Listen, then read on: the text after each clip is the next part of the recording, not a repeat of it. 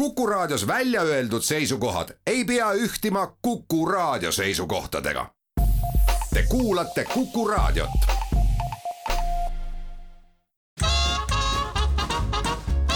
jäljed gloobusel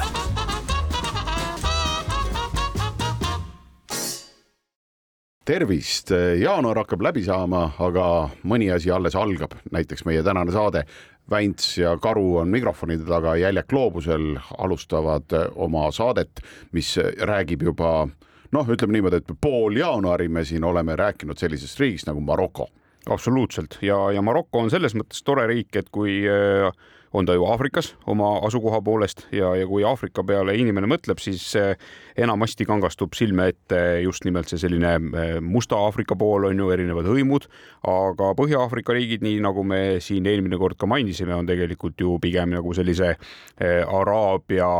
oleku või nii-öelda Araabia vaibiga. ja absoluutselt et no vot ja, ja Maroko kui selline on siis kuningriik ja, ja hetkel valitseb seal selline eh, mees nagu Mohammed kuues ja, Mohammed loomulikult on peaaegu kõikide araablaste eh, nimi, küll väikeste eranditega, onju et aga noh, sellega saad üsna, üsna hästi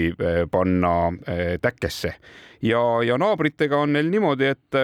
on otsapidi koos Mauritaaniaga ja Alžeeriaga ja, ja siis Põhja-Marokos on ka kaks Hispaaniale kuuluvat enklaavi, üks neist on Ceuta ja teine kirjapildi poolest on Melilla, aga häälduse poole pealt on ta siis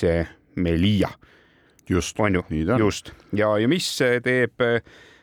Maroko veel huvitavaks ja paljude eh, matkajate seas ka äärmiselt populaarseks on see mitme Eh, kesisus või mitmekülgsus on ju, et, et ühe koha pealt sul seal Lõuna-Marokost hakkavad pihta juba kõrbealad, liivatüünid on ju mhm. Sahara kõrbe näol ja, ja keskelt siis lõikab riigi pooleks Atlase mäestik, kus on siis ka selle riigi kõige kõrgemad tipud ja, ja, ja see peaks vist tegelikult olema ka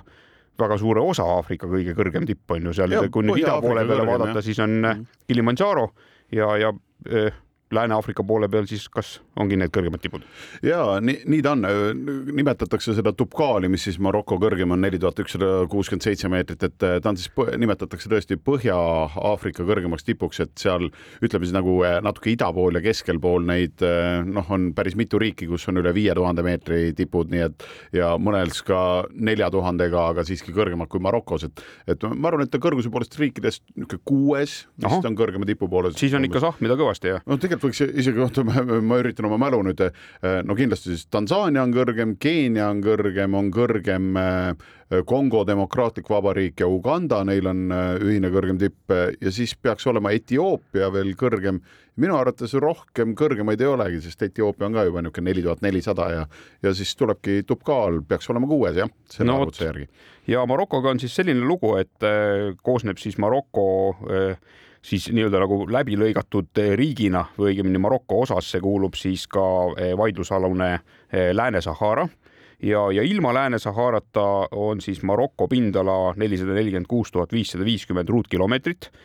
mis on ikkagi noh, võiks öelda kümme korda suurem kui Eesti. Ja ka hoolimata sellest, et ta Eestist on kümme korda suurem, on rahvaarvu poolest ta ikkagi oluliselt mahukam. Ja kolmkümmend seitse koma üheksa miljonit inimest elab seal ja kui me nüüd liidame Lääne-Sahara juurde, siis Lääne-Sahara selle tüki eh, suurus on kakssada viiskümmend kaks tuhat ruutkilomeetrit ja, ja seal elab siis omakorda eh, kolmsada tuhat eh, inimest, mis on oluliselt vähem kui selle nii-öelda Põhi-Maroko poole peal ja rahvastiku tihedus seal Lääne-Saharas on üks koma kaks inimest ruutkilomeetri kohta. et kes on sealt läbi käinud või kes tahab praegu mälu, mälu värskendamise mõttes kaarti scroll ida, siis Google'i Mapist saate aru, et see põhimõtteliselt on niisugune pikk soolikas, mis mööda Aafrika lääne külge alla jookseb ja põhimõtteliselt on seal paar üksikut linna ja üks ja ainus pikk tee, mis ülevalt alla Mauritaaniasse läheb kusjuures see vist eelmine saade jäi rääkimata, et äh, Marokos nagu jõgesid on küll, aga äh, kas, kas ma mäletan õigesti, et sa tõid mingi fakti välja, et järvedega neil hästi pole lood? ja järvedega pole hästi lood ja järvi polegi selles mõttes mitte on ühtegi, nagu. mitte ühtegi järve ei ole ja, ja jõgesid neil on ja, ja jõgedest tuleb ka valdav osa joogiveest. nii et, et kõikide selliste jõgede nii-öelda ümber on siis rajatud veehoidlad, kuhu nad siis koguvad kõik vajaliku joogivee kokku ja, ja nende jõgedega on ka selles mõttes kehva, et, et kui ikkagi tuleb suur äh, suvi peale, siis, siis paljud nendest mägijõgedest ja mägi ja jõgedest üldse kipuvad äh, ära kuivama, nii et äh, jääb selline suhteliselt äh, kuiv territoorium järgi. jah noh, eelmine saade lõppes meil sellega, et äh, hakkasin mina koos oma seitsme kaaslasega minema Maroko kõrgema tipu poole, Jebel Tubkal neli tuhat ükssada kuuskümmend seitse ja me olime siis ööbinud kuskil enam-vähem kolme tuhande meetri kõrgusel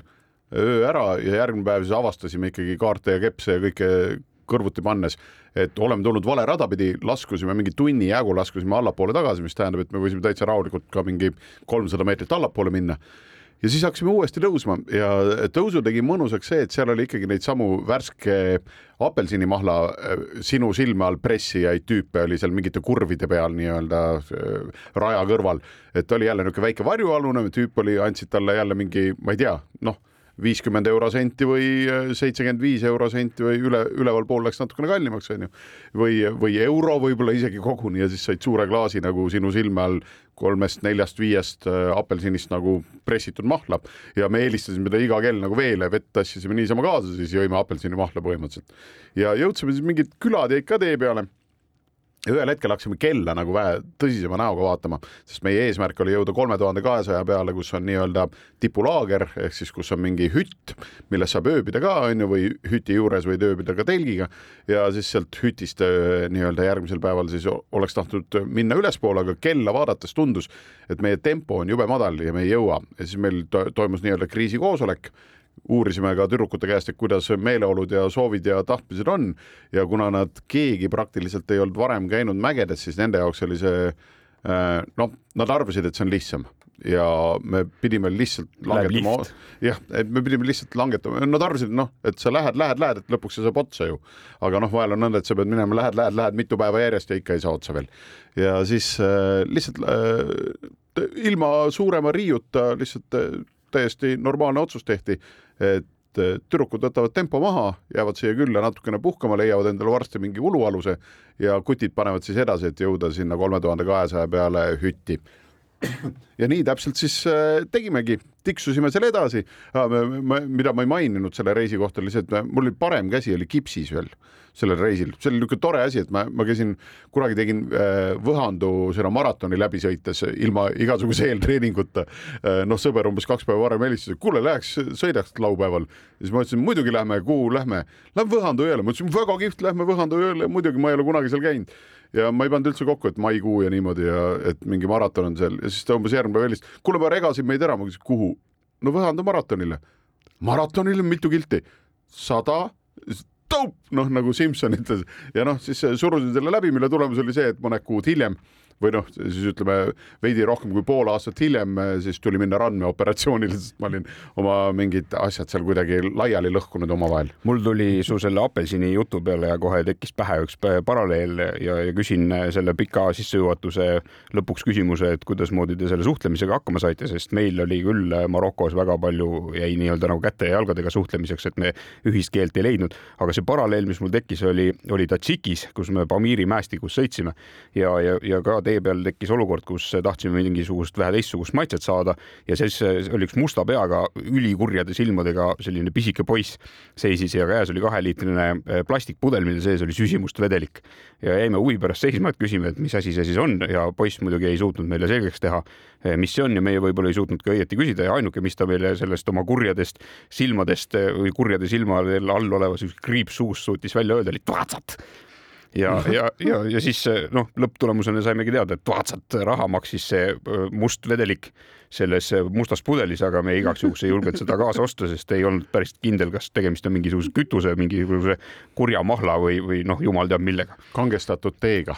jah. aga igatahes meie saime tihti, meie abi oli siis, kui me kaheksakesi olime see, et meie grupi kõige noorem liige Sanna-Maria rääkis natukene prantsuse keelt, nii et tema aitas meid nagu paljudest olukordadest välja, aga ühel hetkel ta pidi tagasi Eestisse lendama natuke varem, et eks siis läks kehakeel rohkem käiku, aga aga jah, et äh, kuttidega jõudsime sinna hütti. Äh, tüdrukud jäidki alla ööbima, neil oli ka põnev, kuulsid igasuguseid hääli seal ja, ja, ja muid toredaid asju, onju. ööbimispaik, sellised ütid mägedes, see hütt üllatas sellega, et see oli päris külm, aga kamin küdes ja, ja Fred on, Fred Viidul, kes ka noh, ma olen temaga mägedes käinud kuskil aastast tuhat üheksasada üheksakümmend viis alates, nii et noh, et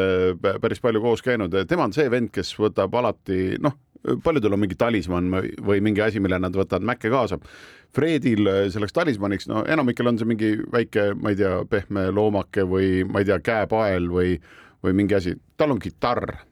nii et ta tassib, ta tassib seda nagu ja ta jaksab, ma ei tea, kuidas ta jaksab, ta on kitarri vedanud minu arust Aconcagua tippu äkki vist, eh, Lenini tippu kindlalt, ma tean, et käisime, Lenini kõrgus on seitse tuhat ükssada kolmkümmend neli meetrit, mina ei jõudnud tippugi, tema vedas sinna veel kitarri, no niisugune selline mees on ju. see on ja... põnev ka, sest mina viimane kord USA-st eh, tulin eh, nii, et mul oli Madis Aesmaa värskelt ostetud elektrikitarr kaasas. Ja, ja olgugi, et ma ei pidanud selle elektrikitarriga ühegi mäe otsa ronima, siis tegelikult terve see teekond sealt USA-st lennukitega ja lennujaamade matkad on ju ühest terminalist teise andis ka ikkagi selle tunde, tunde, et ma tegelikult ei taha ei kitarristiks hakata ega, ega ka tulevikus kitarriga kuhugi minna. no vot, aga Fred loomulikult oli võtnud ka Marokosse kitarri kaasa ja vedas seda loomulikult truult, oma truut sõpra sinna üles mäe poole, mis tähendab, et õhtul oli tore niisugune laulupidu seal, aga laulupidu oli siis see, et meie natuke laulsime, siis kohalikud Maroko tüübid tahtsid ka nagu, küsisid kitarri ilusti Fredi käest ja kõik isuga mängivad seal kitarri, nii et mis oli meile täielik üllatus, et igaüks, kes kitarri kätte võttis või igaüks tahtis kitarri kätte võtta ja siis nad, aga ühe käega selles suhtes, et tõmbasid ühe käega kogu aeg üle keelte ja laulsid oma laule, nii et mingit kitarri oskamist ei olnud, aga jube julgelt küsisid ja loomulikult Fredi käest ka said. me oleme hetke pärast tagasi, räägime juttu edasi. jäljed gloobusel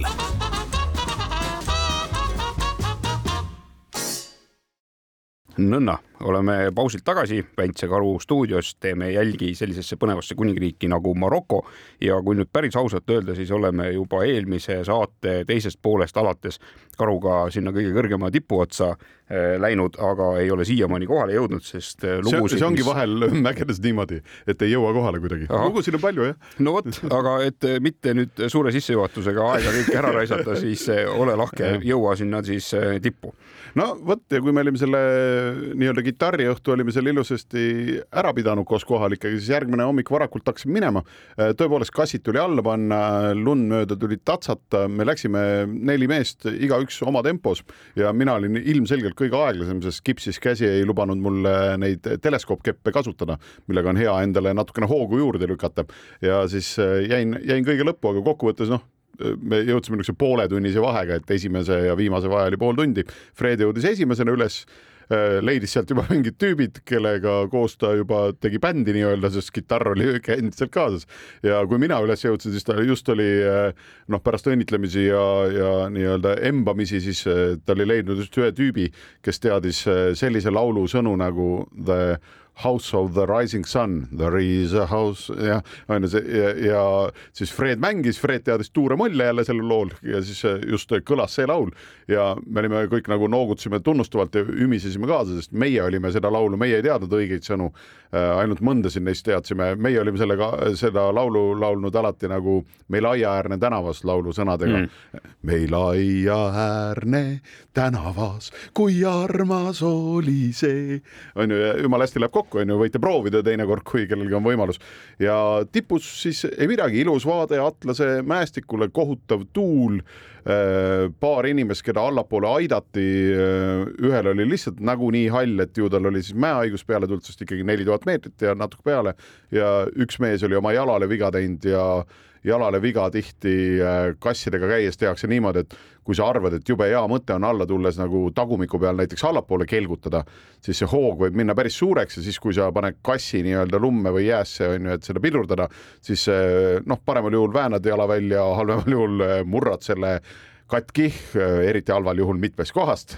eriti, eriti halval juhul saad lahtise jalaluumurru ja noh, kõik niisugused toredad asjad, nii et selline tüüp oli ka olnud, et ärge kunagi, kui mäest tagumiku peale alla lasete, ärge kasse jalga jätke, kassid võtke alati ära. aga meie siis äh, haarasime oma asjad sealt hütist kaasa, laskusime alla, saime mingil hetkel naistega sideseansi nii-öelda mobiiltelefonidega kätte, saime teada, et nad on ainult meist mingi kaks tundi ees ja jõudsime sinna külakesse, kus saime oma varustuse tagasi anda ja Brahimiga jälle kohtusime. Ja siis oli tõesti see hetk, kus me võtsime vastu Brahimi pakutud tema, tema siis hosteli pakkumise hind oli langenud vahepeal veel neli eurot ainult oli juba inimene ja siis ühtlasi, kuna hammamist läksime mööda, siis kõik teised käisid ka hammamis ehk siis saunas ja naised käisid esimestena, läksid neljakesi. ja nemad ei saanud aru, seal oli mingi, mingi ruum, niisugune peaaegu soe ja siis oli ainult kaks kraani, kuumaveekraan ja külmaveekraan ja mingid kausid. aga kuidagi solberdasid seal ära ja kuskil ääres oli ka mingi poolik võileib, hästi palju sipelgaid oli peal, on ju, mingi kellelgi oli ununenud põrandale ja kuidagi nad seal eh, solverdasid ära, mina sauna ei läinud, sest noh, endiselt mul oli käsi kipsis pärast operatsiooni onju, randmeoperatsiooni ja siis eh, mehed Kolbeksi läksid, siis nemad olid sama nõutud, aga noh, meeste puhul Brahim julges sisse tulla ja küsida, et kas kõik on korras, siis nad ütlesid, et ei ole kõik korras, et kuidas see saun tööle läheb, onju umbes. ja siis aa ei ja näitas, et tuleb lasta kuuma vett kaussi ja siis visata seda põrandale. Mm. ja siis tuleb nagu auru ja värki ja kui sa teed seda korduvalt ja mitu-mitu korda järjest ja üsna tihedalt, siis ühel hetkel nagu lähebki peaaegu, aga no muidugi niisugust Eesti sauna mõõtu välja ei anna. Ja selle, selles külakeses viibimise lõpuks ma võiks, kokkuvõte oli see, et noh, et kuigi ma saunas ei käinud, siis ma vähemalt sain sellele sipelgatega kaetud võileivale sain, kui nad mulle kirjeldasid, mõlemad alguses tulid naised, kirjeldasid, siis tulid mehed ja kirjeldasid seda võileiba, siis ma mõtlesin, et mis selle nimi võis olla ja siis ma mõtlesin, et selle nimi oli hamamburger nagu hamamburger, jah, vot niimoodi. aga, aga vot sellised olid minu seiklused kõrgemas tipus. ja küsin siia lõpetuseks äh, veel seda, et äh, neile inimestele teadmiseks, kes äh, võtavad sellesama mäe valutamise endale plaani, siis sa eelmisel korral mainisid, et rentisid alt nii kassid kui ka mäesaapad, just, et, et kas see, kui suur see valik seal üldse on, et kas saagi vilist, vilit, villet lastes käed taskus lennukiga Marokosse sõita ja, ja sealt võtad kogu varustuse ja asud sinna mäe peale teele? Või, või mis asjad peaksid endal kindlasti kaasas olema? noh, natuke sõltub ka ajast, sest noh, eh, mai on veel selline, kus tõesti üleval võib värsket lund ka veel peale tulla, on ju, noh, pigem juuni, juuli, august juba väga ei tule, september ka on ju, et need, see on nii-öelda ideaalhooaeg, kus on kõige vähem lund ja värki. Aga Äh, jään nagu täpse vastuse võlgu, kuid ma mäletan, et äh, saabaste leidmisega minul ja ühel tütarlapsel meie grupis ka, kes me olime jätnud saapa leidmises sinna, et meil probleemi igatahes ei olnud, et me saime, see valik oli üsna suur, nii et äh, ta on populaarne mägi, seal palju käiakse, nii et seal varustust on igasugust. mul on jäänud kuidagi mulje, et matkasaapa, eriti just mäe otsa minemise saapa valik on väga personaalne ja see peab olema nagu nii spetsial sinu enda jala järgi, et kas see siis ongi nii, et valid nagu uisuparki minnes äh, suvalised asjad, mis enam-vähem jalga lähevad ja, ja kütad mäe poole minema? jah, see on Tupkaali puhul on nagu see, see erinev, et et ega seda ei panda kohe seal all kahe tuhande kuuesaja peale ei panda jalga, vaid sealt sa lähed ikka isegi kasvõi tossuga või mingi madala matkasaapaga või mingi lihtsama trekkingu saapaga. aga sa paned selle alla ikkagi alles siis, kui sa jõuad nagu päris sinna, kus ka kass alla läheb. nii et äh, saapa külge, et siis äh, see tähendab, et meie panime, ma panin selle saapa jalga alles seal kolme tuhande kahesaja peal äh, maja juures, kui me hakkasime tipu peal tippu minema. nii et äh, see, ta, ta ei ole nii pretensioonikas sellise tipu puhul, kui sa pead minema kuhugi tippu, noh, kaheksa tuhandesi tehakse, on ju kaks kuud et kui sa seal nagu käid, et siis, siis valitakse väga hoolikalt, mis sa jalga paned, aga sellise niisuguse kahepäevase või noh, ühe päevaga selle saab, kannatab igaüks ära kas see aeg, millal sa sinna läksid, oli kõige Mai. ideaalsem, see maikuu, ongi kõige ideaalsem aeg sinna minna või teil lihtsalt sattus kokku, et sellel ajal saabusite? noh, ta oli kokkuvõttes oli ta Maroko mõttes oli päris ideaalne aeg, sest liiga kuum ei olnud veel, aga noh, mäe mõttes jah, tõepoolest oleks see päris suvine aeg seal tõenäoliselt veidikene vähem lund ja parem mm. -hmm. see on muidugi huvitav, kuidas sa räägid kogu aeg sellest, et, et kogu aeg on Marokos kuum, minul näiteks kaks reisi kõige külmemad telgiööd on olnudki Marokos, me muidugi läksime ka talvel onju ja, ja, ja noh, kui me siit talvisest Euroopast minema hakkad ja, ja lähed justkui nagu oma peas kõrbematkale, siis see külmus ja, ja ka ma peaks ütlema, et see lumi seal Atlase mägedes tuli ikkagi äh, suure üllatusena ja, ja selle reisi käigus sain ma ka teada, mis on siis kõige halvem äh, hääl üldse maailmas, on, on see, et kui sa äh, magad oma suvemagamiskoti, suvelebo ja suvetelgiga kuskil Maroko kauni platoo peal ja, ja öösel on nii külm, et sa ei julge magama jääda, sest hambad plagisevad ja sa kardad, et sa hammustad ennast äkki, kui sa lased eh, nii-öelda noh, nagu eh, tähelepanul hajuda. Ja, ja siis kuuled, kuidas kõrval oleval autol käib sihuke Kero hakkab neile sooja õhku puhuma sinna ja, ja ise eh, proovid kõiki eh, võtteid kasutusele võttes ikkagi ellu jääda, siis, siis see on nüüd küll selles mõttes tempel mällu igavuseks, et, et ei maksa nagu kehva eeltöö arvelt nagu endale mingeid illusioone luua, et, et kui mul on telk, et küll ma siis magatud saan ja, ja kui ees mm -hmm. ootab kõrb, et küll siis on see, sest tegelikult on ju see, et kui sul kõrbes on päeval igavesti soe olla, siis ööseks, kui seal temperatuur ka noh, näiteks ütleme mingisugune neljakümne pealt kahekümne peale langeb, siis see temperatuuri erinevus on niivõrd suur, et sul ikkagi on see öine, öine olu seal väga külm. nii ta on. Kuule, aga küsin seda, sa, sa ütlesid, et sa käisid mingis kaheksas riigis oma reisiseltskonnaga tookord, et äh, kuidas te viisat saite, seal nii mõnigi riik vajab viisat. ja meil oli ju niimoodi, et me hakkasime siit äh, autodega Tallinnast minema ja, ja osa Eesti seltskonda, kes eh, oma tööaega planeerides jõudsid paremale järele niimoodi, et nad lendasid või õigemini maandusid siis Marokos sellel hetkel, kui me autodega sinna jõudsime, et nad nagu pigistasid selle transiidiks kuluva aja enda töö tegemise arvelt siis pikemaks. Ja, ja kohtusime nendega Rabatis ja, ja meil oli siis vaja teha seal järgnevate Aafrika riikide jaoks mõned viisad ja, ja mida me Rabatis tegime, oli Mauritaania viisa ja Mali viisa. Senegali jaoks meil viisat vaja ei olnud, sest see on Eesti Vabariigi kodanikule noh, nii-öelda viisavabana sisenemine ja, ja mida me proovisime teha, oli siis ka veel Burkina Faso ja teiste riikide tarbeks. seal on selline üldine viisa, mis siis kannab nime El Tente ja, ja see peaks siis omast noh, pidi vähemalt kätkema siis seitsme Aafrika riigi eh, seitset Aafrika riiki, kuhu sa siis selle ühe viisaga, aga seda me eh, Marokos teha ei saanud, nii et seda me siis hakkasime uuesti eh, pusima, kui me olime omadega Malisse jõudnud. aga, aga meil oligi see jah, et sõitsime siis läbi Euroopa selle vana Eesti-Soome parvega siis sinna Ceutasse, mis on siis Hispaania enklaav seal siis tegime omal uhked Aafrikasse minemise näod pähe, peitsime vajalikud asjad ära, sättisime oma asjad ornungisse, nii et piiri peal võimalikult hästi läheks ja, ja nagu ma siin eelmine kord rääkisin, siis meil piiri peal läks väga hästi. saime väga väikese äh, mammuna loovutamisega viis euri kolme auto kohta, saime eraldi äh, kanalivärava, kust me siis äh, Marokosse saime, vaadati asjad kiirelt üle löödi templid sisse ja, ja, ja põrutasime siis omadega sinna Rabatti ja, ja järgmisel päeval siis meie reisikaaslased maandusid ja, ja siis läksimegi eh, juba, juba tegudele, et otsisime need eh, saatkonnad üles ja viisime dokumendid ära ja, ja noh, muidugi eh, seal on ka mingid asjad, mida tasub äh, tähele panna või noh, omad väiksed eripärad, aga, aga sellest siis juba peale väikest pausi. jäljed gloobusel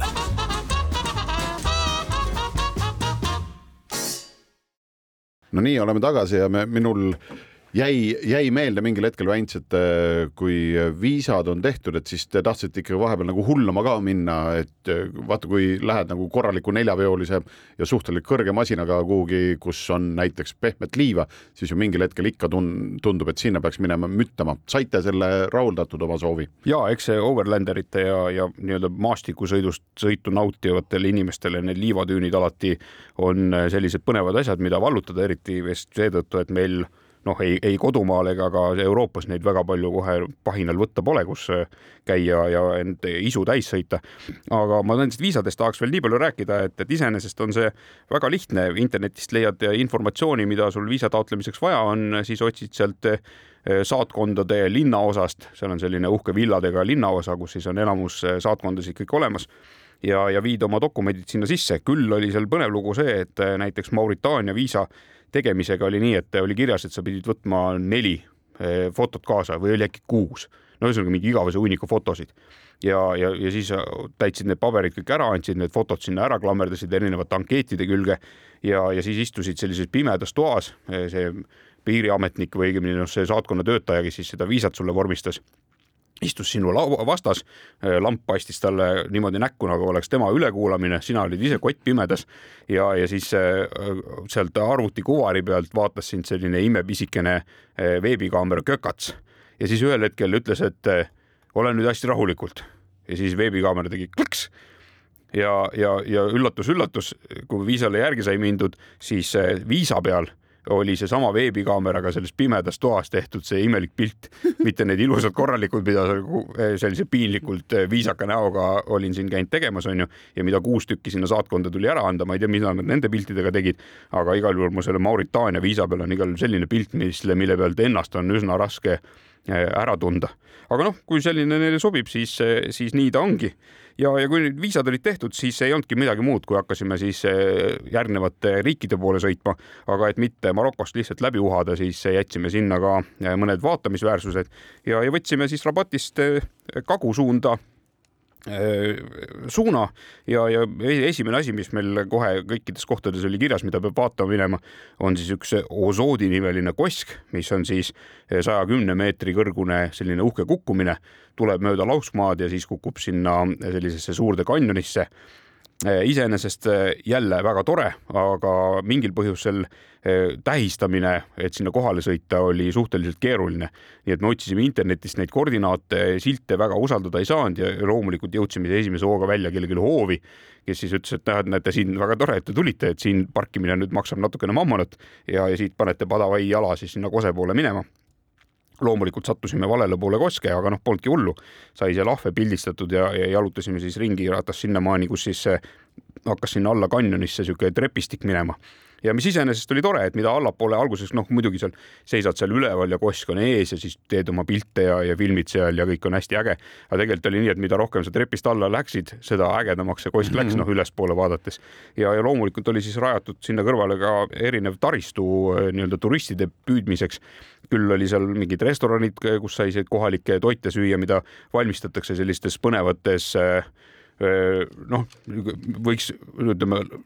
puusalt öelda siukse lillepotilaadsetes ah, toidunõudes nagu koonused ja. ja birjaanid ja niisugused asjad, mida nad seal teevad. just, ja seal sees. pajaroad. just, pajaroad särisesid seal sees ja, ja need oma maitse poolest olid, olid väga põnevad ja, ja ka see teguviis oli väga huvitav, et loobid kõik oma asjad sinna lillepotti, keerad selle tagurpidi nagu sellise taldriku peale ja see siis jääb, põleb ja säriseb seal eh, lõkke peal. Eh, noh, järgmine, mis me siis peale seda koske endale ette võtsime, olid siis Äh, filmistuudiod, mida nii-öelda sealt Sahara kõrbest äh, siis Kagu äh, Marokost leiab üsna mitmeid. Ja, ja meie siis leidsime sellise koha, oli, ma proovin selle linna nime nüüd välja hääldada, see on siis Uarazatsete, noh, ühesõnaga mingi selline, selline, selline põnev linn ja kes, see on suurelt kaartidele ka märgitud, nii et kui keegi tahab Marokosse minnes sattuda sellistesse põnevatesse filmistuudiotesse, siis, siis otsige see linn üles ja sõitke sinna kohale ja, ja sealt siis juba hakatakse teid eh, erinevate eh, suunaviitadega suunama erinevate filmistuudiote juurde. ja, ja meie siis leidsime sellise, kuhu minna, oli Atlas Corporation Studio. Ja, ja selles on siis äh, vändatud sadu äh, India filme noh, need mm -hmm. kodumaal ei mahu kõik ära, siis nad käivad seal väntamas, et see on ideaalsed tingimused, kui sa tahad niisugust nagu lauskmaad või kõrbet või, või siis äh, mingeid liivatüüne oma filmi, et siis sealt äh, see noh, see loodus annab sulle selle võimaluse ja, ja loomulikult on siis tehtud seal ka mitmed äh, Hollywoodi filmid, noh näiteks on äh, mingid episoodid äh, Prison Breakist, mis on see äh, ma nüüd kohe esimese hooga ei oskagi, mis see eestikeelne vaste tal siin oli, aga noh, kõik niikuinii teavad, onju. Siis legendaarsed kaks joonisfilmi tegelast ja ka filmitegelast Asterix ja Obelix. On ju mm, -hmm. need on seal filmitud, siis on Niiluse juveel, kus Michael Douglas mängis väga tore eh, film, eh, siis on episooditi seal filmitud eh, gladiaatori filmi, seal on praegu ka need erinevad mingisugused riksad ja need kaarikud, mida hobuse taga veeti ja need orjaturud ja need on kõik spetsiaalselt sinna valmis ehitatud selle tarbeks. Cleopatra filmi mingisugused episoodid on seal tehtud, Muumia filmi erinevad mm. episoodid ja, ja kogu see vaheline ala, kus on siis täis neid erinevaid noh, ütleme filmidest tuttavaid linnatänavaid ja, ja rekvisiite ja, ja noh, põhimõtteliselt on nii, et kui sa jõuad sinna kohale, siis enam-vähem niisugune nagu pool Egiptust oli sinna valmis ehitatud, on ju, erinevad püramiidid, erinevad need mingisugused noh, kõikvõimalikke asju, mida sa esimese pilguga võib-olla Egiptusega seostaks. jah, mul tuli meelde lihtsalt see, et me sõitsime vahepeal, kui pärast mäetipu tegemist läksime nagu väikest kõrbetretti tegema, et siis me väikse bussiga sõitsime hooga kuhugi mingi, mingi linna suunas jälle ja siis tee peal jäime ühe künka otsa seisma ja siis bussijuht uhkelt näitas nagu mingi noh äh,, ma ei tea noh, mis see oli nagu äh, lehma, lehmade toodangust ja pikematest karvadest tehtud majad olid seal niisuguse punakat tooni, niisugune ja siis mõtlesime, et mis see siis nüüd siis on.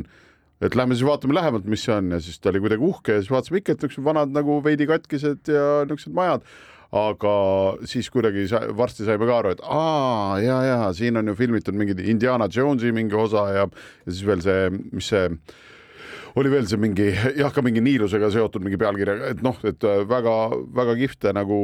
filme, filme on seal tehtud ja, ja samal ajal, kui meie seal käisime, siis ühel hetkel oligi see, et tulime kuskilt müüri vahelt välja ja äkki seisab su vastas nagu mingi kuuskümmend valgetes ürpides, mõõgad käes, mingid tüüba, tüübid ja vahivad sinu suunad. et hetkeks oli nagu see, et ups, et valel ajal vales kohas või jälle onju ja siis hetk hiljem näed nagu, aa, õnneks kaamerad on ka ikka, et, et just hakata mingit vallutamistseeni nagu seal filmima ja me sattusime just juhuslikult tee peale. jah, seda mm -hmm. filmitööstust seal tehakse tublisti Marokos. ja, ja neid stuudioid on seal päris mitu, see tegelikult tegelikult vist oli, kui ma õigesti mäletan, üsna äh, kallis see sinna pääsemine ja, ja aga seal oli selle hinna sees oli ka siis äh, giid, kes siis juhatas seal nendes tänavate laborintides äh, ringi ja, ja rääkis erinevaid lugusid, et mida siin tehtud on ja mida siin filmitud on ja mille jaoks see tehtud on. mis oli muidugi huvitav, oli see, et äh, noh, eks ta kerge sihuke nagu pakasuhha on, onju, et, et see pool majast, äh, mida sa filmilindilt näed, see oli ka sealt tänavalt noh, nii-öelda sisse ehitatud tänavalt va huvitav vaadata, aga sel hetkel, kui sa seda maja teiselt poolt vaatasid, siis see oligi selliste mingisuguste noh, klotside najal ja, ja mingite puupilbaste najal seisis kogu see müür seal püsti, aga no ega seal mingit väga hullu asja polegi vaja filmi jaoks ehitada, kui sa korra sealt kaameraga üle tõmbad, onju. nojah, saan kohe aru, et, et sa ei ole sattunud ka teatrites lava taha jah, eriti. ei ole olnud sellist, sellist võimalust jah. mulle mul on olnud, nii et jah, mind selle, selle koha pealt ei üllata mm. -hmm. ja, ja siis muidugi jälle oli see plaan sinna liivatüünidesse jõuda ja enne seda siis ühel hetkel äh, sõitis meile vastu üks äh, Land Rover Defender, kes siis suure pidurdamise käigus ennast Ameerika filmi kombel nagu ümber keeras selle liiva, liiva see maantee vahel või maantee peal ja, ja tuiskas meist mööda, hüppas autost välja, kukkus siis meeletult žestikuleerima ja, ja tahtis, et me seisma jääme. meil muidugi käis esimene mõte kohe peast läbi, et nüüd on esimene rööv on käes ja, ja et nüüd meid kohe hakatakse siit kuskilt eh, liistu peale võtma ja kuhugi keldritesse tassima. aga tuli välja, et oli eh, tore maasturimees, kes ütles, et eh, temal on siin kohe töökoda järgmises asulas, et tulge kindlasti läbi ja kui me seal siis juhatas meid sinna koha peale, siis tuli välja, et vanal ajal, kui see Pariis-Dakari ralli veel seda vana marsruuti, traditsioonilist marsruuti sõitis, siis see oli jäänud siis, see linn oli alati tee peal see remondipeatuse linn et ah,, et jah. toonasest ajast meil meeletus koguses igasuguseid varuosi, mingeid autosid sinna jäänud, onju, aga täna on need rallid kõik mingid muudel radadel, nii et noh, need ütleme selliseid päriseid overlandereid või, või noh, sihuke võistlustehnikat satub sinna hästi vähe ja siis, kui nad kuskil märkavad, siis nad alati noh, korjavad justkui nagu riigi pealt kokku, et tule siis ja, ja vaata, kuidas meil siin elud on ja, ja noh, loomulikult saime seal oma mingid õlivahetused ja asjad tehtud nipet-näpet, mida meil, mida meil vaja teha oli kuidas tüünides? tüünides oli selles mõttes lihtne, et ütleme, automatka formaat on, on selline, et kui sa satud liivatüünidesse, siis juhil on kohutavalt huvitav nendes liivatüünides sõita. aga teistel? aga teistel ei ole ja, ja siis eh, lihtsalt eh, ei olegi midagi muud teha, kui lihtsalt eh, käed rüpes ja ootad, millal see seitsmetunnine etapp läbi saab, millal rattad taas liiva pealt siis mingisugusele kindlamale pinnasele jõuavad ja, ja saad hakata jätkata, jätkama sõitu siis sihtmärgi poole ja, ja mis veel, ahah, näed, hakkab jälle siin sipsti aeg otsa saama, nii et teeme väikese pauslülituse ja, ja siis lülitame oma jälgede peale tagasi. jäljed gloobusel.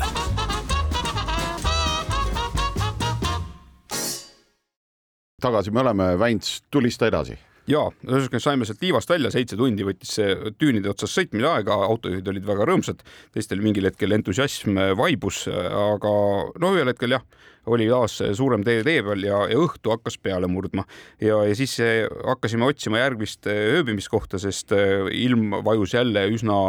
jahedaks. Ja, ja leidsime siis iOverlandi Eh, nimelisest äpist, kuhu overlanderid eh, erinevaid ööbimiskohti ja, ja peatumiskohti märgivad. leidsime, et mingi veider täpp on keset liiva, noh, niisugust kõrbe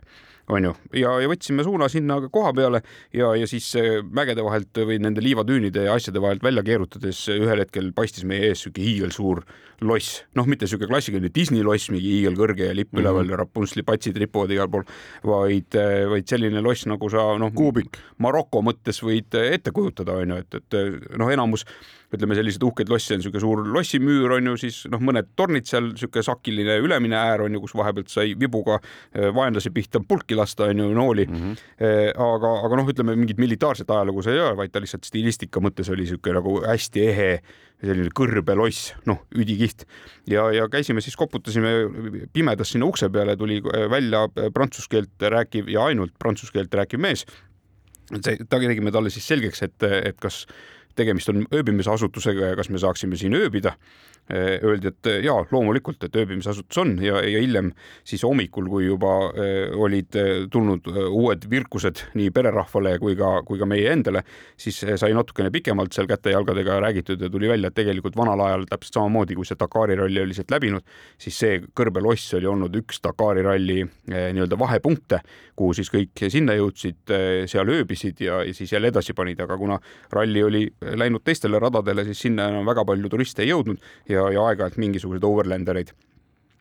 viskas sinna kohale. Ja, ja kui ma nüüd ei eksi, siis me äkki veetsimegi aastavahetuse selles lossis tegime sealt kodust kaasa võetud mingisugused konservid ja, ja söögid endale ära, nautisime rõõmu ja, ja meil õnnestus siis selle mehe käest osta ka kohalikku õlut, mis muidugi maksis meeletus koguses, sest esiteks tegemist on ikkagi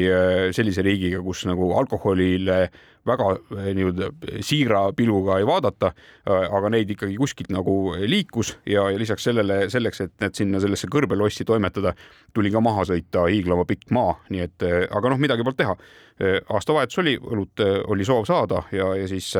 panustasime sellele kalli õlle ostmisele ja, ja nii see aastavahetus tuli. iseenesest kogemusena täiesti fantastiline, et, et ma noh, ma arvan, et see on võib-olla üks kõige meeldejäävamaid ööbimisi peale nende väga külmade ööde telgis. et, et, et sa satud sellisesse,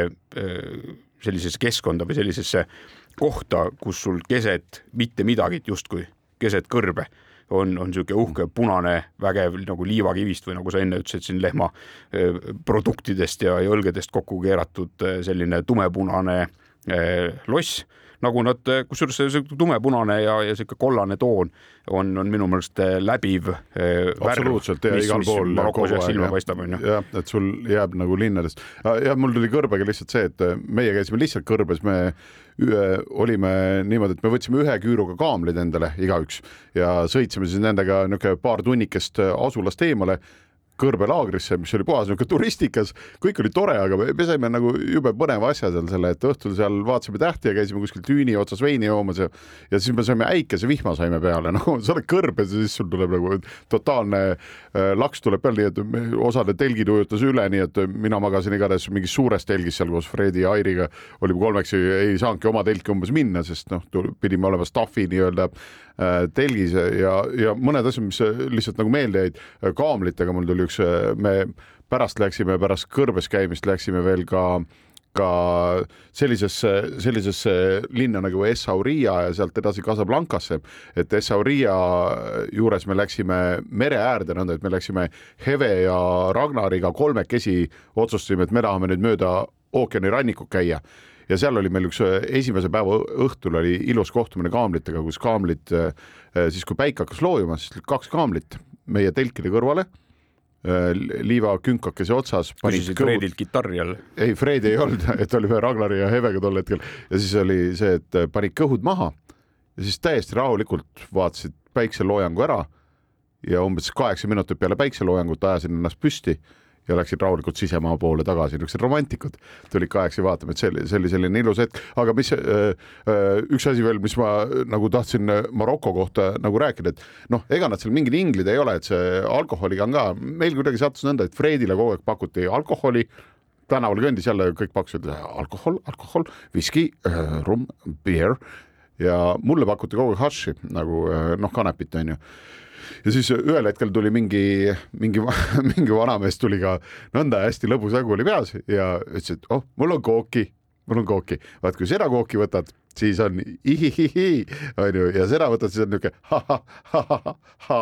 onju umbes. Ja siis noh, eks me valisime, kes mida, onju, ja siis ja täpselt nii oli, nagu ta rääkis, nii et väga palju huvitavaid slaide sai sellel õhtul vaadatud, väga hu huvitavates kooslustes, iseennast sai nähtud kõrvalt ja kõike muud. Ja väga palju see, et järgmine päev oli täis seda, kus me rääkisime lihtsalt, mida eelmine päev, mis slaidi programmi keegi nagu järgmisel päeval nägi, mitte kõik ei olnud muidugi, aga, aga noh, mõned, mõned meie hulgast ja, ja siis ei hakka siin nimesid täpsustama, aga noh, mina nende hulgas on ju. Ja need slaidiprogrammid olid päris päris, päris põnevad, et see on ka Marokos, millega puututakse kokku, see on neil nagu oleks nagu legaalne mm. -hmm. mul sinu nende romantikutest kaamlitega praegu tuli ette üks romantiline äh, selline tagasivaade justkui nagu sihuke love boat. Äh, siis ühel hetkel sattusime ranniku ääres sõites sellisesse kohta, kus äh, selline väga suur kruiisilaev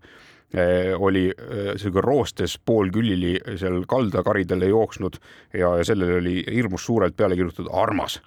onju, et, et ju ta sealt kuskilt äh, mingit tormi käigus äh, Kanaari saarte kandist oli siis äh, ketist lahti pääsenud ja, ja siis suurtel lainetel sellise merihobu kombel tormanud siis noh, uutele radadele ja, ja mingil hetkel põkkus siis Aafrika mandriga ja sinna ta paraku jäi, nii et sellest Loveboatist oli igasugune romantika selleks hetkeks eh, lahkunud. romantikast Küll... rääkides veel jah, ma pean nüüd, sorry, et nõnda sisse sõidan, aga meil oli vaata, kui päikseloojangust ma rääkisin, mida kaamlid nautsid, siis Äh, kusjuures seda ma pean ütlema, et turistikas või mitte, aga see, et kõrbes ärgata seal kõrbelaagris, siis ronida oma üheküüruliste kaamlite selga enne päiksetõusu, siis minna tüünilt tüünile ja ühel hetkel sa nagu näed päikesetõusu nagu äh, Sahara kõrbes noh, kui täpne olla, siis on Sahara Ergshebi kõrb on siis see, kus meie, meie seiklesime siis see on ikka vaatepilt, mida täitsa tasub nautida ja üks ilusamaid hommikuid minu, minu elus on see Sahara kõrbe tüünide vahel kaamli seljast vaadatud päikesetõus ja noh, muidugi noh, mingid detailid sinna juurde, et noh, see prantslanna, kes oli ka teise grupiga ja ka ühe kaamli seljas, et tal olid ununenud nende täies pikkuses püksisäär oli kokku õmblemata jäänud nagu alt üles välja. et noh, et eks seegi andis päiksetõusule palju juurde, aga, aga eks see päiksetõus oli ise ka ikka ilus mm. -hmm ja, ja tagasiteel, kui me selle alumise, alumiste riikide tiiru ära tegime, siis äh, sattusime äh, Atlase mägedes ühe sellise toreda taadi juurde, kes kutsus oma väikesesse tee äärde ehitatud putkasse. Ja kui sa siin eelmises, eelmisel nädalal rääkisid äh, nendest poolvääriskividest, mida teil väga kalli hinnaga õnnestus osta, siis see oli sealt mägedest endale sellesse konkusse kokku tassinud igavese hulga erinevaid kive, noh, väljast vaatad, on täiesti tavaline kivikolakas, aga kui selle pooleks lööd, siis seest oli justkui mingisuguseid põnevaid kristalle täis. mis kristallid need on või mismoodi neid kive nimetatakse, siinkohal ei oska äh, kaasa rääkida. mina natuke oskan, ma tean, et need, millega meie kokku puutusime, samamoodi jah, löödi pooleks ja imeline värvide maailm on seal halli kivi sees, et sellega mingid noh, pool need poolvääriskivid, et nagu kvarts ja, ja täiesti seal on ka ametüst ja niisugused sellised tüübid nagu seal äh, ja need ongi need kivid, ma enne sulle korra eetriväriselt rääkisin, see, et et kui Fred oli endale ühe mingi sellise kivi oli kõvasti kaubelnud ja siis oli seitsme euro eest ostnud, et kui ta meie bussijuhile ütles, see küsis ka, et noh, palju ka said, Fred seitsme euroga, olles ise nagu rahulolev, see bussijuhi silmadest oli näha, et millise kallurikoormatäie ta oleks seitsme euro eest nagu Fredile võinud tuua rahulikult selliseid mm. -hmm ja, ja kui nüüd äh, hakata siin vaikselt seda otsa kokku tõmbama, siis üks koht, mis meil on põgusalt äh,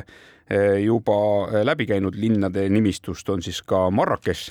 mis meile paraku ajapuuduse tõttu jäi tee peale alles siis, kui me olime sealt alumise poole pealt tagasi sõitmas ja tegime Marrakechis väikese peatuse, käisime seal, külastasime seda uhket turgu, siis olgu siinkohal öeldud, et Marrakech on noh, ma ütleks, et selline isegi nagu kohustuslik linn, mida külastada, kui, kui Marokosse satute ja, ja, ja noh, need turud täpselt samamoodi, sest see turukogemus, mida, mida siis Marokos ja, ja ka paljudes teistes Araabia maades kogeda saab, on ikkagi tempel mällu igaveseks. ja huvitav oli see, et, et kui nagu ülejäänud reisi käigus me eesti keelt kuskil ei kostnud, ei kuulnud, siis Marrakechi turule sisse minnes olid seal kohe kaks Eesti neidu, kes meid ära tundsid ja, ja ütlesid, et ohoo, et te olete ka siia sattunud ja, ja nemad olid ka parasjagu siis eh, nii-öelda eh, Maroko tuuril ja, ja pidid mingi aja pärast siis eh, jätkama juba teed kodu poole ja, ja nii olime ka meie. Nonii, kaks saadet nüüd täitis ära kuningriik nimega Maroko. tänud kuulamast, kuulake järgi või kuulake podcast'is. me paneme pilte üles tavaliselt väikse viivitusega ka siis meie Facebooki lehel, nii et käige seal ja kohtume teiega taas nädala pärast. tänud. kuuleme jälle ja püsige avarad. jäljed gloobusel